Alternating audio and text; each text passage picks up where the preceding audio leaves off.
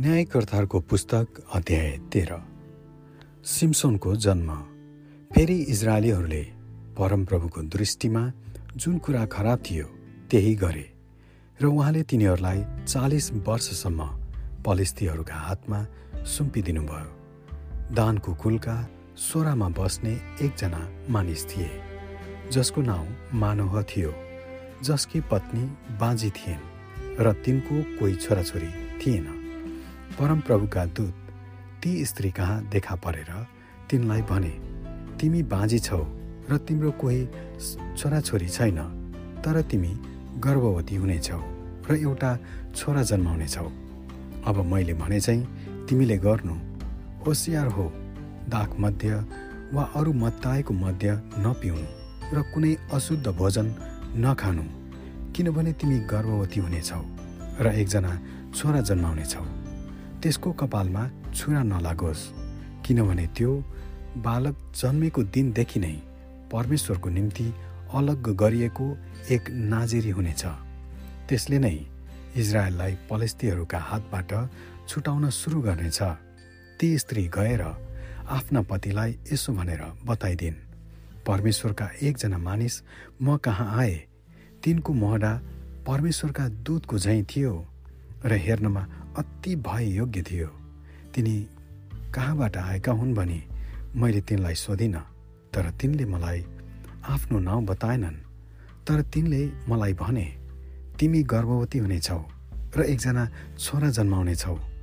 आजदेखि उसो तिमीले दागमध्ये वा अरू मत्ताएको मध्य नपिउनु र अशुद्ध भोजन नखानु किनभने त्यो केटो जन्मेको दिनदेखि मर्ने दिनसम्मै परमेश्वरको निम्ति अलग गरिएको नाजिरी हुनेछ।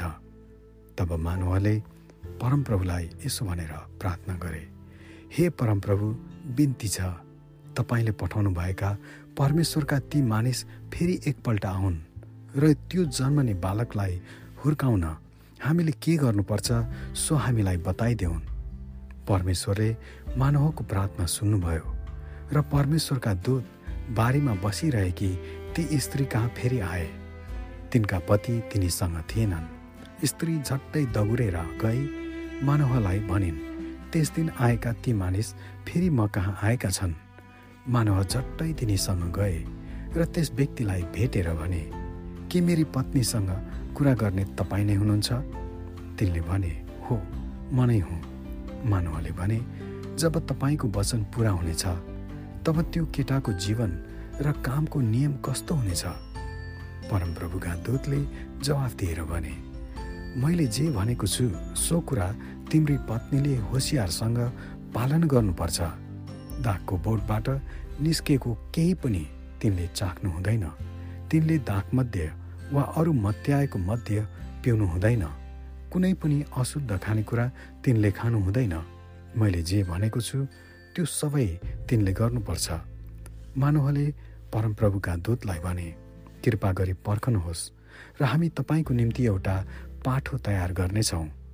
परमप्रभुका दूतले जवाफ दिए तिमीहरूले मलाई रोक्यो भने पनि म तिमीहरूले चढाएको भोजन खान्न तर तिमीहरूले इच्छा छ भने होम बलि तयार गर र त्यो परमप्रभुमा चढाओ। मानवले तिनलाई परमप्रभुका दूत हुन् भने चिनेनन्। तब मानवले तिनलाई भने तपाईँको नाउँ के हो? किनकि तपाईँको वचन पुरा भएपछि हामी तपाईँको आदर गर्न चाहन्छौँ। परमप्रभुका दूतले तिनलाई भने तिमी किन मेरो नाउँ सोध्ने आँट गर्छौ? यो नाउँ समझदेखि बाहिर छ। तब मानवले पाठो र उचित अन्न बलि लिएर ती चट्टानमाथि परमप्रभुका चढाए। अनि मानव र तिनकी पत्नीले हेरिरहेकै बेलामा परमप्रभुले आश्चर्यमय काम गर्नुभयो। जब त्यस वेदीबाट स्वर्गतिर एउटा ज्वाला उड्यो तर ज्वालासँगै परमप्रभुका दूत मासतिर गए। यो देखेर मानव र तिनकी पत्नी घोप्टो परे। त्यसपछि परमप्रभुका ती दूत मानव र तिनकी पत्नी कहाँ फेरि देखा परेनन् र मानवले ती त परमप्रभुका दूत रहेछन् भनी थाहा पाए। तर तिनले आफ्नी पत्नीलाई भने हामी त निश्चय नै मर्नेछौँ। किनभने हामीले परमेश्वरलाई देखेका छौँ तर तिनकी पत्नीले जवाफ दिइन्। परमप्रभुले हामीलाई मार्न नै इच्छा गर्नुभएको भए उहाँले हाम्रा हातका होम बलि र अन्न बलि ग्रहण गर्नुहुने थिएन र यी सबै कुरा देखाउनु हुने थिएन वा भन्नुहुने थिएन। ती स्त्रीले एउटा छोरो जन्माइन् र तिनको नाउँ सिमसोन राखिन्।